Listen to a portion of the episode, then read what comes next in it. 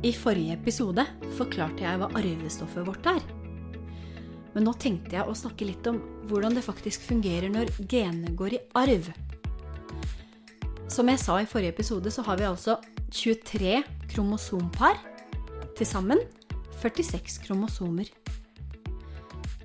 Kromosomene består av en lang DNA-tråd med massevis av koder.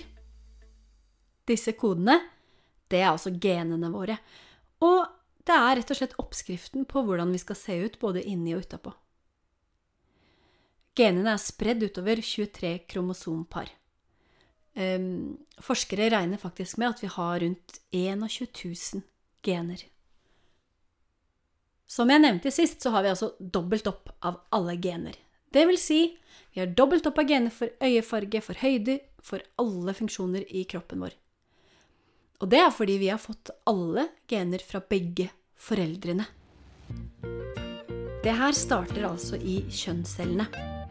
Eggcellen og sædcellen har kun 23 kromosomer hver. Og når de smelter sammen, så danner de kromosompar. Og da har man altså halvparten av genene fra mor og halvparten av genene fra far. Men skulle ikke da alle søsken se helt like ut, tenker du? Nei, nei, for husk at foreldrene dine også har dobbelt opp av gener fra begge sine foreldre.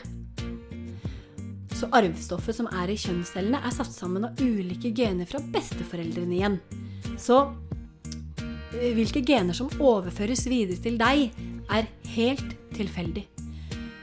Og her er det uendelig med mulige kombinasjoner. Når du blei til, så var det altså en eggcelle med tilfeldig utvalg av gener fra mor som smeltet sammen med en sædcelle med gener fra far. Det utvikla seg etter hvert til deg. Men så kommer det som er litt spennende.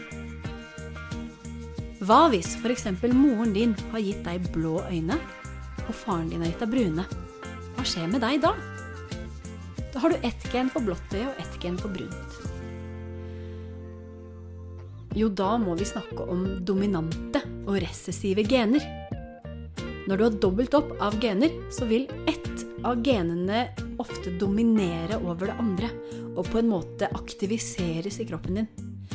Det andre genet som ikke kommer til uttrykk, men på en måte bare går i dvale, det kaller vi for et recessivt gen. Når det gjelder øyefarge, så er genene for brune øyne dominerende. Derfor, hvis du har ett gen for brune og ett for blå øyne, så vil øynene dine få brun farge. Men det betyr altså at genene for blå øyne er fortsatt i kroppen din. Så hvis du en gang får barn, så kan du eh, gi videre blå øyne, og, og at det går i arv til barnet ditt. For at et recessivt gen skal være aktivt, så må begge genene i kromosomparet være det samme. Altså, du må ha to gener, både fra mor og far, for blå øyne, hvis blåfargen faktisk skal komme til syne da, i øynene dine. Sånn er det med andre ting i kroppen også. Du vil ha gener fra begge foreldrene på alle områder. Noen av genene vil dominere, og noen vil liksom ligge i dvale. Det er derfor man noen ganger kan få trekk der man ser ut til å ha arvet fra en bestemor eller bestefar. Kanskje det genet har ligget i dvale hos mor eller far, men hos deg så blir det synlig. Har du noen gang hørt om arvelige sykdommer? Noen sykdommer er sånne som kommer fra virus eller bakterier, og som vi kan bli smitta av.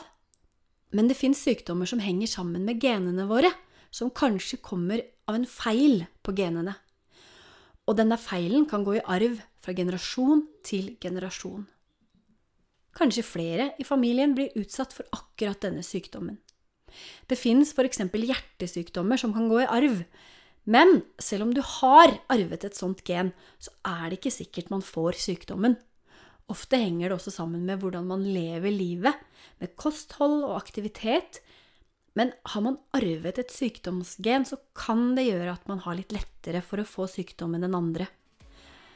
Så husk på at det kan være greit å vite om det finnes arvelige sykdommer i familien, så kan man i hvert fall forebygge eh, ved å prøve å leve et sunt liv. Nå veit du litt mer om hvordan genene kommer til syne i kroppen vår, og hva dominante og recessive gener er. Og det tror jeg holder for denne gang.